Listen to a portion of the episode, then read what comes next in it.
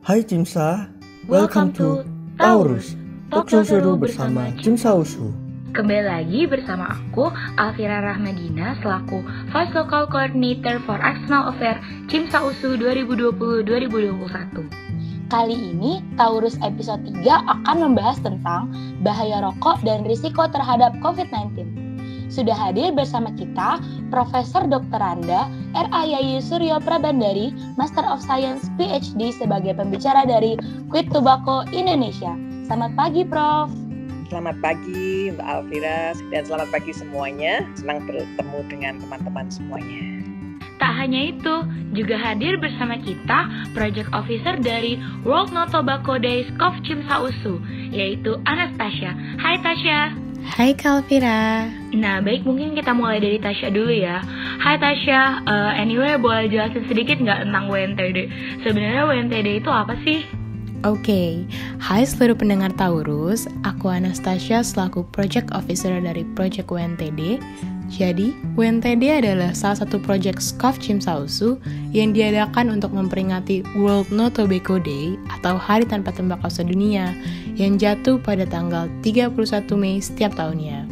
Nah, pada tahun-tahun sebelumnya, acara ini dilaksanakan secara offline berupa live event ke SMA-SMA di kota Medan, dan ada juga radio campaign dan juga online campaign. Namun, karena situasi yang tidak memungkinkan akibat pandemi COVID-19, acara ini diadakan secara online tahun ini berupa webinar dengan target siswa SMA di kota Medan dan Jakarta dan tetap juga ada online campaignnya. Walaupun dilakukan secara online, dijamin acaranya bakal seru dan edukatif banget deh. Wah, keren banget ya. Walaupun di masa pandemi ini, Skov Sausu tetap mengadakan aktivitas. Lalu Syah, apa sih yang ingin kamu dan OSI lainnya capai dalam perayaan WNTD ini? Untuk memperingati World No Tobacco Day, CIMSA sebagai organisasi mahasiswa kedokteran concern akan tingginya angka perokok di Indonesia, terutama di Sumatera Utara. Berdasarkan data dari WHO tahun 2015, prevalensi perokok di Indonesia termasuk dalam kategori paling tinggi di dunia dengan 85 juta perokok. Berdasarkan data penelitian dari jurnal yang dipublikasikan oleh Balitbang Pemerintahan Kota Medan tahun 2019, prevalensi merokok setiap hari di Kota Medan sebesar 55,2 persen dan merokok sekali-kali sebesar 14,3 persen lebih tinggi dibandingkan angka nasional, yaitu 54 persen pada tahun 2016. Dengan adanya acara ini, diharapkan target yang dituju serta masyarakat luas bisa lebih mengerti bahaya merokok bagi diri sendiri dan juga sekitarnya. Gitu, Kak. Wah, begitu ya, Syah. Thank you ya atas penjelasannya. Nah, untuk membahas bahayanya rokok lebih jauh lagi, kita kenalan dulu yuk dengan narasumber yang sudah hadir bersama kita, yaitu Profesor Dr. Anda R.A.Y. Suryo Prabandari, Master of Science PhD dari Quit Tobacco Indonesia. Uh, selamat pagi, salam sehat. Jadi uh, assalamualaikum warahmatullahi wabarakatuh untuk untuk teman-teman ya. Jadi uh, nama saya Yayi Yayi Suryo Prabandari. Saya sehari-hari di Departemen Ilmu Perilaku Kesehatan ilmu perilaku kesehatan, lingkungan, dan kedokteran sosial. Ya, departemennya panjang namanya Fakultas Kedokteran, Kesehatan Masyarakat, dan Keperawatan Universitas Gajah Mada. Ini Fakultas Kedokteran UGM juga namanya agak sedikit berubah pada tahun 2018 ya, lebih panjang. Oke. Okay. Ya, saya sudah bergabung di sana sudah sejak tahun 90 ya, waktu masih jadi oh. bagian ilmu kesehatan masyarakat. Ya, wow. waktu saya masih belum menikah sampai punya anak tiga gitu ya. saya cukup awet di Fakultas Kedokteran UGM. Nah, Quit Tobacco Indonesia ini tadinya adalah sebuah proyek yang mulainya tahun 2002 ya 2002 dan kemudian kami bekerja sama dengan tiga universitas di Amerika, satu di India dan dalam perjalanannya kita juga bekerja sama dengan Dinas Kesehatan Provinsi Yogyakarta, Kota Yogyakarta, dan kami juga mendampingi untuk pengembangan klinik berhenti merokok, juga uh, rumah bebas asap rokok kampung dengan rumah bebas asap rokok. Sampai saat ini ya uh, kegiatan kami banyak di uh, pelatih ya para petugas kesehatan itu untuk berhenti merokok, kemudian juga mendampingi supaya uh, para apa bukan para ya tapi desa-desa kampung itu menjadi desa atau kampung dengan bebas asap rokok. Jadi rumah dengan bebas asap rokok gitu ya. Jadi itu dan juga ya kami juga membantu untuk pembuatan media. Jadi uh, sampai saat ini sih masih bergandengan erat dengan dinas kesehatan. Jadi kalau mereka juga punya kegiatan untuk melatih kader, melatih anak-anak SMA, SMP gitu, kadang-kadang yang memang dari kami salah satu narasumbernya begitu. Itu sekilas mengenai Quit Tobacco Indonesia dan saya, saya seorang ibu, anaknya tiga, ya. dan saya memang saya bukan dokter ya, jadi saya psikolog, okay. tetapi saya menempuh uh, apa S3 saya adalah kedokteran komunitas sejak oh, S2 okay. saya ya sejak S2 saya dan S3 saya itu semuanya penelitiannya tentang rokok ya tentang pencegahan. Oke, okay. ya. keren gitu, banget okay. ya Prof Yayi ini udah yeah. Ya. uh, sangat berpengalaman ya di bidang uh, rokok merokok. Rokok ini. betul betul. Oke, okay, yeah. aja nih Prof yeah. Yayi ya. Silakan. Aku tanya Prof. Katanya tren anak muda sekarang bilang kalau merok kalau nggak merokok tuh nggak keren, Prof kita pasti tahu ini salah kan. Nah iya. sebenarnya yeah. apa sih Prof pengaruh rokok bagi tubuh kita?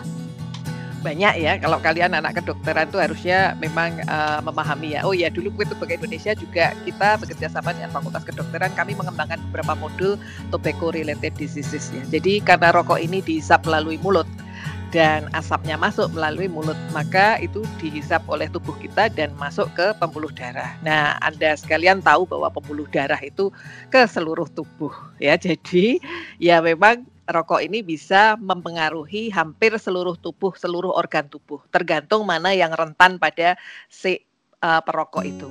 Ya jadi kalau dia rentannya di jantung ya bisa kena jantungnya. Kalau dia uh, uh, rokok ini yang dihisap ini kan juga mengandung beberapa bahan yang karsinogenik ya. Jadi dia memicu uh, timbulnya kanker di beberapa ya yang paling sering adalah paru ya. Karena kalau begitu kita menghisap kan masuknya pasti akan ke paru begitu ya. Jadi kalau kalau tarnya kemudian nikotinnya itu nempel di situ, nah ini bisa menimbulkan gangguan pada paru dan yang paling tinggi memang untuk untuk kanker itu paru kalau rokok ya. Kemudian disusul oleh kanker lain yang lainnya. Nah, kemudian juga bisa sampai pada ya kalau masih penyakitnya ini masih uh, jantung tadi hipertensi ya. Jadi itu. Kalau untuk anak-anak muda mungkin belum kerasa karena yang saya sebutkan ini kan termasuk golongan non communicable diseases. Jadi penyakit mm -hmm. tidak menular ya di mana masa inkubasinya atau onsetnya itu kan lama ya. Lama jadi, betul. Iya, jadi sekarang menghisap tuh belum tentu besok sakit, nggak kayak diare kalau kita makan pedas kita nggak tahan tiga jam kemudian dua jam kemudian perutnya sudah sakit gitu. Kalau ini kan bertahun-tahun gitu ya. Sehingga memang anak muda itu tidak apa ya, tidak ngeh ya tidak sadar bahwa ngapain wong saya merokok begini ya. Jadi mm -hmm. uh, dan kalau merokok keren itu sejak dulu sejak zaman saya muda ya begitu itu. Dan ini menurut saya adalah ya karena kita masih belum banyak uh, apa pengendalian rokoknya itu sudah ada, sudah lumayan sih dari zaman saya muda. Ya, sekarang kan sudah ada KTR kawasan tanpa rokok ya, tetapi iklan di Indonesia itu masih ada gitu ya. Kita sudah advokasi Tobacco Control Alliance yang nasional itu sudah advokasi mungkin sa sampai hari ini mungkin sudah 10 tahunan ya. tapi belum berhasil untuk menghilangkan iklan rokok di muka bumi Indonesia ini. Dan itulah menurut saya salah satu pemicu ya karena saya punya riset di Yogyakarta memang mereka inisiasi merokoknya itu ada hubungannya dengan pajanan iklan rokok. Hmm, Oke okay, gitu ya. baik. Bagaimana ya. sih dok, uh, Prof zat-zat di dalam rokok ini bisa merusak tubuh? Wah itu ceritanya panjang sekali itu karena kan di dalam tubuh itu kalau menurut terakhir dari CDC ya Center of uh, apa Control Disease Control itu lebih dari 7.000 zat beracun yang ada di dalam kandungan satu batang rokok gitu. Bayangin wow. tuh lebih dari 7.000 ya. Yang besar mm -hmm. adalah yang jelas nikotin. Nikotin itu bertanggung jawab terhadap kecanduan. Tetapi ternyata dari beberapa riset dia juga menimbulkan beberapa hal yang ada pada jantung ya. Anunya apa penjelasannya sangat klinis ya. Jadi mungkin itu ya yang jelas nikotin kemudian tar ini uh, kalau nempel di paru, nah ini nanti uh, akan bisa menyebabkan PPOK dan sebagainya dan juga tadi yang kanker paru ya. Kemudian ada karbon monoksida ya. Kemudian uh, apa yang ada di dalam uh, apa itu apa uh, racun tikus. Kemudian ada di, ada yang untuk zat untuk membuat ini bom ataupun jet gitu ya. Jadi bahan bakar gitu ya. Jadi maksud saya tidak ada tidak ada zat yang berguna sama sekali yang ada di dalam satu batang rokok itu. Ya. Jadi karena kan dia dibakar ya. Jadi tembakau ini kemudian dibakar dibakar begitu ya. Jadi memang zat-zatnya jadi banyak gitu. Kalau menurut saya sih ya memang tidak ada bahan-bahan yang cukup berguna untuk tubuh kita yang uh, bisa dikonsumsi gitu ya. Jadi menurut saya ya ngapain gitu ya kita merokok. Mm -hmm. Yeah. Iya juga sih Prof, benar banget. Nah, tadi yang udah Prof uh, bilang juga kan kalau misalnya yang paling yeah. banyak itu adalah nikotin, ya Prof. Yeah. Ya. Sebenarnya bagaimana cara nikotin bekerja sehingga menimbulkan efek nyaman atau menghilangkan stres, Prof? Iya, karena dia kan masuk nanti kan tadi sudah bilang lewat pembuluh darah ya. Pembuluh darah nanti bisa ke otak. Nah, di ke otak itu dia bisa memicu zat yang namanya dopamin Nah, dopamin ini yang bisa menimbulkan rasa nyaman. Sayangnya dopamin ini harus selalu disuplai gitu ya. Makanya kan perokok awal itu mungkin baru satu, mungkin belum satu batang ya, baru beberapa hisapan gitu ya. Nanti dia pengennya lagi itu agak lama dulu gitu ya. Cuma e, menurut data yang ada itu ada beberapa industri yang membuat supaya daya adiksinya itu lebih kuat gitu ya. Jadi dan saya pernah membaca satu artikel ditulis oleh Dr. Saraf kalau dia mencobanya kurang dari 15 tahun ya, itu memang daya adiksinya pun akan lebih cepat tapi juga akan lebih buruk terhadap kesehatan gitu ya. Jadi tadi proses mekanisme dari di di apa dihisap kemudian dia naik ke atas dan kemudian menimbulkan rasa nyaman dan itulah yang dibilang oleh para perokok itu kalau belum merokok belum bisa mikir gitu ya. Hmm. Padahal ya padahal secara normal kita bisa menghasilkan dopamin itu sendiri dengan kita melakukan kegiatan yang positif gitu ya. Jadi hobi uh, misalnya saya senang olahraga ya, itu menurut saya saya juga menghasilkan gitu, tanpa rokok gitu. Jadi jangan khawatir guys gitu ya guys kalau anak sekarang ya. Jangan khawatir guys, kalian itu juga bisa dapat sesuatu yang menyenangkan kalau kalian mengerjakan hobi gitu ya. Jadi tidak perlu ngerokok gitu. Gitu, Oke, okay, jadi banget, masih banyak cara yeah. lain ya, Prof, ya yeah. untuk mendapatkan dopamin. Iya. Yeah. nah, lanjut nih, Prof. Sekarang eh. kita kan sedang masa pandemi COVID-19 ya, Prof ya. Yeah. Dan mungkin masih banyak para pendengar Taurus nih yang belum paham apa sih itu COVID-19 dan kenapa itu bisa berbahaya. Bisa dijelasin sedikit nggak, Prof, tentang COVID-19 ini sebenarnya apa sih? Ya, jadi COVID-19 itu penyakit menular yang disebabkan oleh virus namanya SARS-CoV-2 atau yang disebut dengan virus corona. Ya, jadi sebetulnya ini adalah ya pengembangan bukan pengembangan ya karena virus itu kan berbagai macam ya. Jadi ini entah karena evolusi sampai ada isunya ini dalam tanda petik dibuat gitu ya. Tetapi whatever ini adalah uh, virusnya namanya SARS-CoV-2 gitu ya. Seringkali disebut virus corona. Nah, virus corona ini terdiri dari berbagai macam jenis. Ada yang menginfeksi hewan seperti kucing, anjing. Nah, SARS-CoV-2 ini diidentifikasi uh, kemungkinan ya, kemungkinan besarnya adalah virus yang pada awalnya berasal dari kelelawar. Dan ini kemudian bisa nularin manusia. Jadi, tapi saat ini tidak ada bukti penularan uh, SARS-CoV-2 ini dari kucing atau anjing yang sebelum yang sebelumnya itu ada kemungkinannya dari dua binatang itu, tapi ini kemungkinannya dari kelelawar. Ya, jadi uh, saat ini uh, bulan April yang lalu itu sudah lebih dari 1,8 juta orang terinfeksi, ya, dan lebih dari 100 ribu orang meninggal dunia. Data Indonesia kemarin itu menurut teman kami yang jadi juru bicara di Satgas Covid di Provinsi Yogyakarta itu tiba-tiba naik 900-an ya jadi ini karena mau lebaran nih kan? Orang-orang orang-orang agak kendor gitu ya. Kenapa banyak yeah, yang tertular ya? Ya karena COVID ini merupakan penyakit baru. Jadi manusia belum punya kekebalan tubuh. Jadi tubuh manusia ini juga lagi adaptasi ini juga dengan virus ini. Kedua vaksin dan obatnya sampai saat ini sedang dikaji tapi belum. Belum belum selesai pengkajiannya. Katanya kan vaksin itu sekitar satu tahunan ya. Uh, jadi berlomba-lomba cari vaksin dan obatnya. Nah, cara penularannya gimana? Lewat droplet ya. Droplet ini percikan batuk, bersin, berbicara sehingga memang disarankan saat ini semuanya pakai masker ya. yang manusia biasa maksudnya gini yang orang awam biasa bukan petugas kesehatan itu pakai masker kain tidak apa-apa tetapi kalau dokter perawat yang bekerja di rumah sakit harus menggunakan masker khusus ya karena ya virusnya akan uh, karena kalau di rumah sakit itu kan ged, apanya gedungnya sangat ter uh, terbatas di dalam ruang gitu ya. Sehingga droplet yang tadinya air ini mungkin ada juga yang di udara. Tapi ini bukan lewat udara. Kalau kita orang biasa di jalan-jalan biasa begitu ya pakai masker kain. Kemudian cium tangan jabat tangan berpelukan gitu.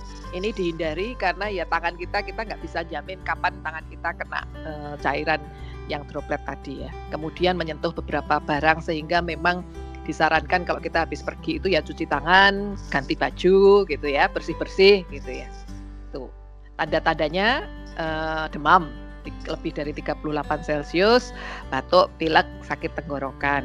Ya, letih, lesu, kemudian sesak nafas. Nah, kalau kita mengalami salah satu di antara di atas itu, bukan berarti kita langsung kena COVID ya, karena ini memang agak susah juga dibedakan dengan flu biasa ya. Tapi untuk memastikan itu periksa di fasilitas kesehatan. Beberapa, nah ini termasuk yang Health Promoting University tadi, Mbak.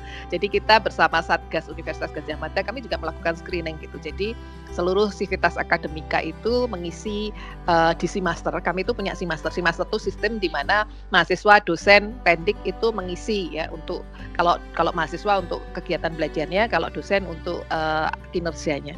Jadi di situ ada screening kita ngisi nanti kalau kita ternyata masuk ya nanti akan dikunjungi oleh uh, sukarelawan ya yang akan memastikan lebih jauh lagi apakah pileknya itu begini, apakah demamnya begini. Jadi untuk memastikan apakah dia mulai harus waspada.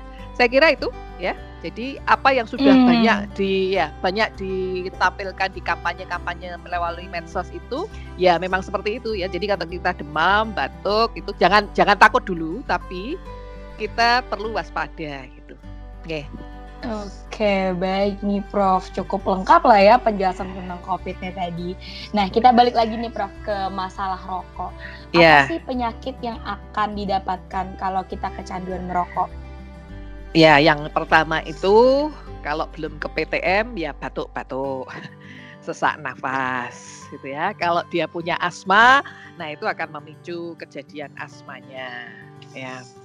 Kemudian kalau sudah dalam jangka waktu yang lama, tadi yang saya sebutkan beberapa penyakit tidak menular itu sangat berhubungan dengan kebiasaan rokok. Jadi tobacco related diseases, jadi penyakit-penyakit yang berhubungan dengan kebiasaan merokok ini sebagian besar adalah penyakit tidak menular, jantung, kemudian uh, tekanan darah, ya, kemudian uh, paru, penyakit paru, PPOK, penyakit paru obstrusif kronis, ya kemudian kanker ya kankernya mulai dari kanker paru, kanker nasofaring, kanker di tenggorokan gitu ya.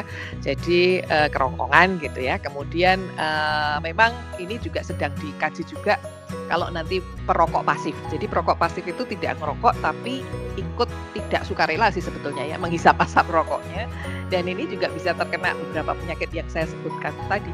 Jadi penyakitnya sih banyak sih, Mbak ya. Jadi uh, pokoknya sembarang kalau orang-orang Jawa sembarang kalir. Pokoknya karena ini tadi dihisap kemudian kan karena pembuluh darah. Jadi ya tapi yang paling sering adalah paru, jantung, hipertensi. Nah, kemudian ada juga uh, kajian yang terakhir itu ada hubungannya dengan TBC dia bukan sebagai penyebab ya karena TBC itu kan disebabkan oleh bakteri Mycobacterium tuberculosis.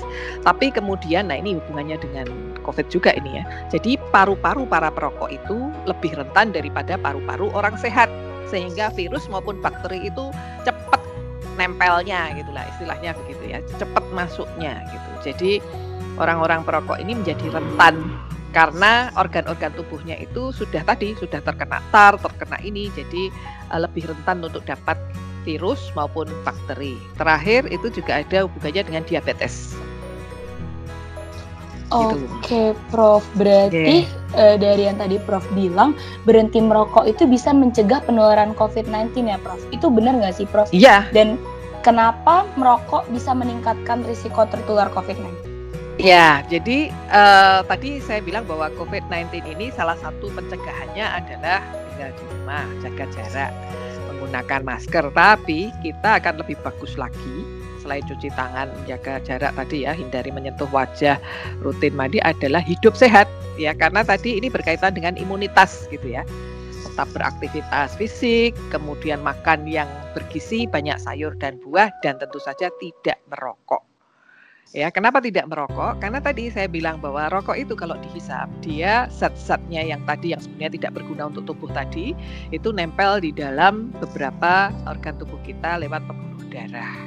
Dan itu kalau ke paru misalnya, karena COVID ini kan lebih cepatnya ke paru ya. Uh, bagaimana paru itu menjadi rentan terhadap virusnya ini gitu ya. Jadi memang disarankan berhenti merokok. Dan yang kedua kalau ini dari spesialisasi saya dari perilakunya ya. Perilaku perokok itu kan pakai tangan nih. Ya, pakai tangan. Nah, tangannya ini kalau kita lihat kan para perokok itu mungkin masih belum terbiasa sebelum merokok cuci tangan, Mbak. Menarik ya. Pokoknya ngerokok gitu kan, ngerokok gitu kan. Nah, ini kan dekat dengan mulut gitu kan, dekat dengan mulut gitu. Nah, kalau remaja yang ngeri lagi adalah kadang-kadang mereka satu batang pun untuk bareng-bareng gitu bayangin tuh dari dari mulut ke mulut Wah. gitu kan. Nah ini ini yang yang ngeri kan. Jadi kalau untuk orang dewasa enggak sih e, perilaku perokok orang dewasa itu enggak tukar-tukaran rokok. Tetapi mereka nawarin rokok. Oh, ya. Okay. ya nawarin rokok di mana tangannya ini bisa juga bersentuhan ya.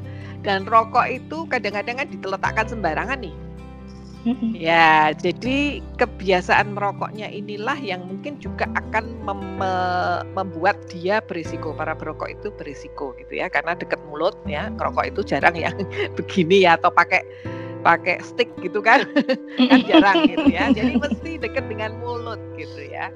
Kemudian bayangin ya, ini bayangin uh, rokok itu juga mengalami pegangan beberapa orang, mulai dari distribusi masuk ditata di etalase toko atau warung apalagi kalau yang batangan ya batangan itu diambil sama penjualnya taruh. Nah penjualnya ini sudah cuci tangan belum? Ya karena kita tidak bisa kalau kalau sayur buah itu syaratnya adalah sesudah kita beli dari toko lebih baik kita cuci dulu dengan sabun ya. Nah bayangin nih rokok ini kan nggak bisa dicuci mbak Iya. Kalau dicuci nggak ya, bisa dibakar. kalau dicuci nggak bisa dibakar gitu ya. Betul jadi, betul bro. Uh, uh, jadi uh, apa ya rantai penularannya itu menurut saya ya mengerikan sih kalau saya membayangkannya itu tangan banyak gitu ya. Jadi dari tangan banyak belum lagi pegawainya yang menata di etalase dan sebagainya gitu. Kemudian nanti cara merokoknya gitu. Nah itu sebelum dia masuk ke mulut nih ya. Jadi begitu masuk di mulut, ya kalau para perokok ini, kalau yang sudah perokok beberapa tahun, kalau kita buka di otopsi gitu ya, paru-parunya akan beda dengan paru-paru orang sehat. Demikian. Oke, terakhir nih Prof. Untuk yeah. pendengar yang mungkin seorang perokok, bagaimana sih cara menghindari godaan untuk merokok dan menekan penggunaan rokok? Ya, ya kalau dalam masa pandemik itu Anda bayangin ini resikonya itu satu ya. Tadi yang saya sebutkan tadi dengan kebiasaan-kebiasaan perilakunya gitu ya. Yang kedua adalah e, bayangin kalau Anda bisa berhenti gitu ya, itu manfaatnya banyak gitu ya. Manfaatnya banyak. Satu Anda nggak perlu beli, itu yang jelas ya. Mengurangi duit gitu ya, mengurangi expense ya, pengeluaran uang untuk rokok itu jelas. Yang kedua saya yakin seyakin yakinnya karena survei kami baik untuk ibu-ibu maupun untuk remaja putri 90% 80% untuk remaja putri itu pengen pasangannya baik itu pacar maupun ini suaminya adalah tidak merokok ya jadi kalau anda Betul tidak merokok banget. itu akan memberikan kebahagiaan pada pasangan gitu hmm. itu satu nah kalau putrinya sekarang yang merokok ya anda tidak merokok itu uh, oh ya untuk putri itu ada efeknya juga rokok ini untuk mengurangi apa namanya lemak ya yang itu bisa uh, menyebabkan kulit kita lebih tidak fleksibel gitu. Jadi para perokok putri ini lebih cepat punya kerutan lah gitu ya. Jadi kalau Anda Waduh. berhenti merokok, nah kalau Anda berhenti merokok itu kulitnya akan mm -hmm. lebih bagus, lebih elastis gitu ya, lebih tampak lebih muda. Makanya para perokok itu kelihatannya sebagian yang sudah perokok bertahun-tahun tuh ya di disampingkan dengan misalnya umur 50 tahun perokok sama 50 tahun tidak perokok pasti akan lebih kelihatan muda yang tidak merokok gitu ya. Jadi karena karena ya itu tadi ya. Jadi kemudian supaya kita menahan satu adalah kita mengidentifikasi kapan kita pengen merokok. Nah, untuk kalian yang belum bisa berhenti beneran itu catat saja di mana yang sangat pengen merokok itu Anda merokoknya di situ. Tapi yang tidak terlalu pengen, tapi karena tangan mau. Nah, ini yang yang berusaha untuk kita hentikan. Sebetulnya merokok itu tidak berbahaya kalau hanya dipegang ya, tapi ini dalam rangka COVID ya nggak usah pegang. Tapi begitu pengen itu dilihat, bener nggak saya pengen merokok saat ini gitu ya. Kita kerjakan eh, kegiatan-kegiatan untuk pengalihan. Gitu ya. Kemudian di rumah itu tempat-tempat yang biasanya senang merokok ya sudut-sudut itu diganti desainnya ya, diganti apa e, tata letaknya gitu. Jadi supaya tidak ada tempat yang menarik untuk merokok. Minta pada pasangan atau teman begitu untuk menyimpan rokoknya dan kalau memungkinkan tidak usah beli lagi. Bisaplah yang rokok yang paling akhir ya satu persatu begitu ya. Jadi berhenti merokok ini yang penting adalah nomor satu adalah niat memang mbak jadi harus ada niat Nah sebetulnya harus dimulai ya, dengan niat ya Prof. Ya. ya sebetulnya momen Ramadan ini kalau bagi mereka yang Muslim dan menjalankan puasa adalah momen yang paling tepat untuk mengemukakan niat berhenti. Oke, wah terima kasih banyak nih Prof atas ilmu, waktu dan kesempatannya bisa hadir di podcast Taurus kali ini. Semoga bermanfaat untuk seluruh pendengar setiap podcast kita. Nah, balik lagi nih ke Tasya. Jadi ta tadi di awal Tasya bilang akan ada webinar dan online campaign ya. Boleh dijelasin nih dan di-share ke teman-teman Taurus kapan tuh acaranya?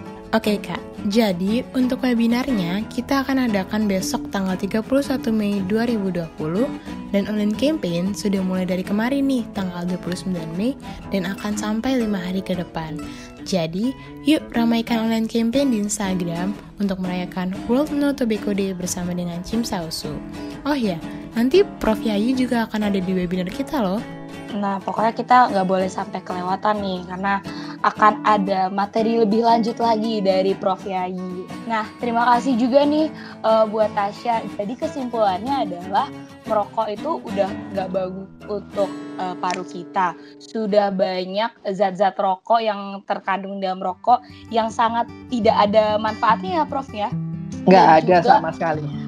sama sekali tidak ada. Dan juga merokok itu meningkatkan risiko terkena, terkena berbagai macam penyakit. Dan juga pastinya rokok ini uh, makin memperparah uh, faktor risiko kalau kita bisa terpapar COVID-19. Nah, jangan lupa ya nantikan episode Taurus berikutnya hanya di Spotify. Jimsa, empowering medical student, improving nation's health.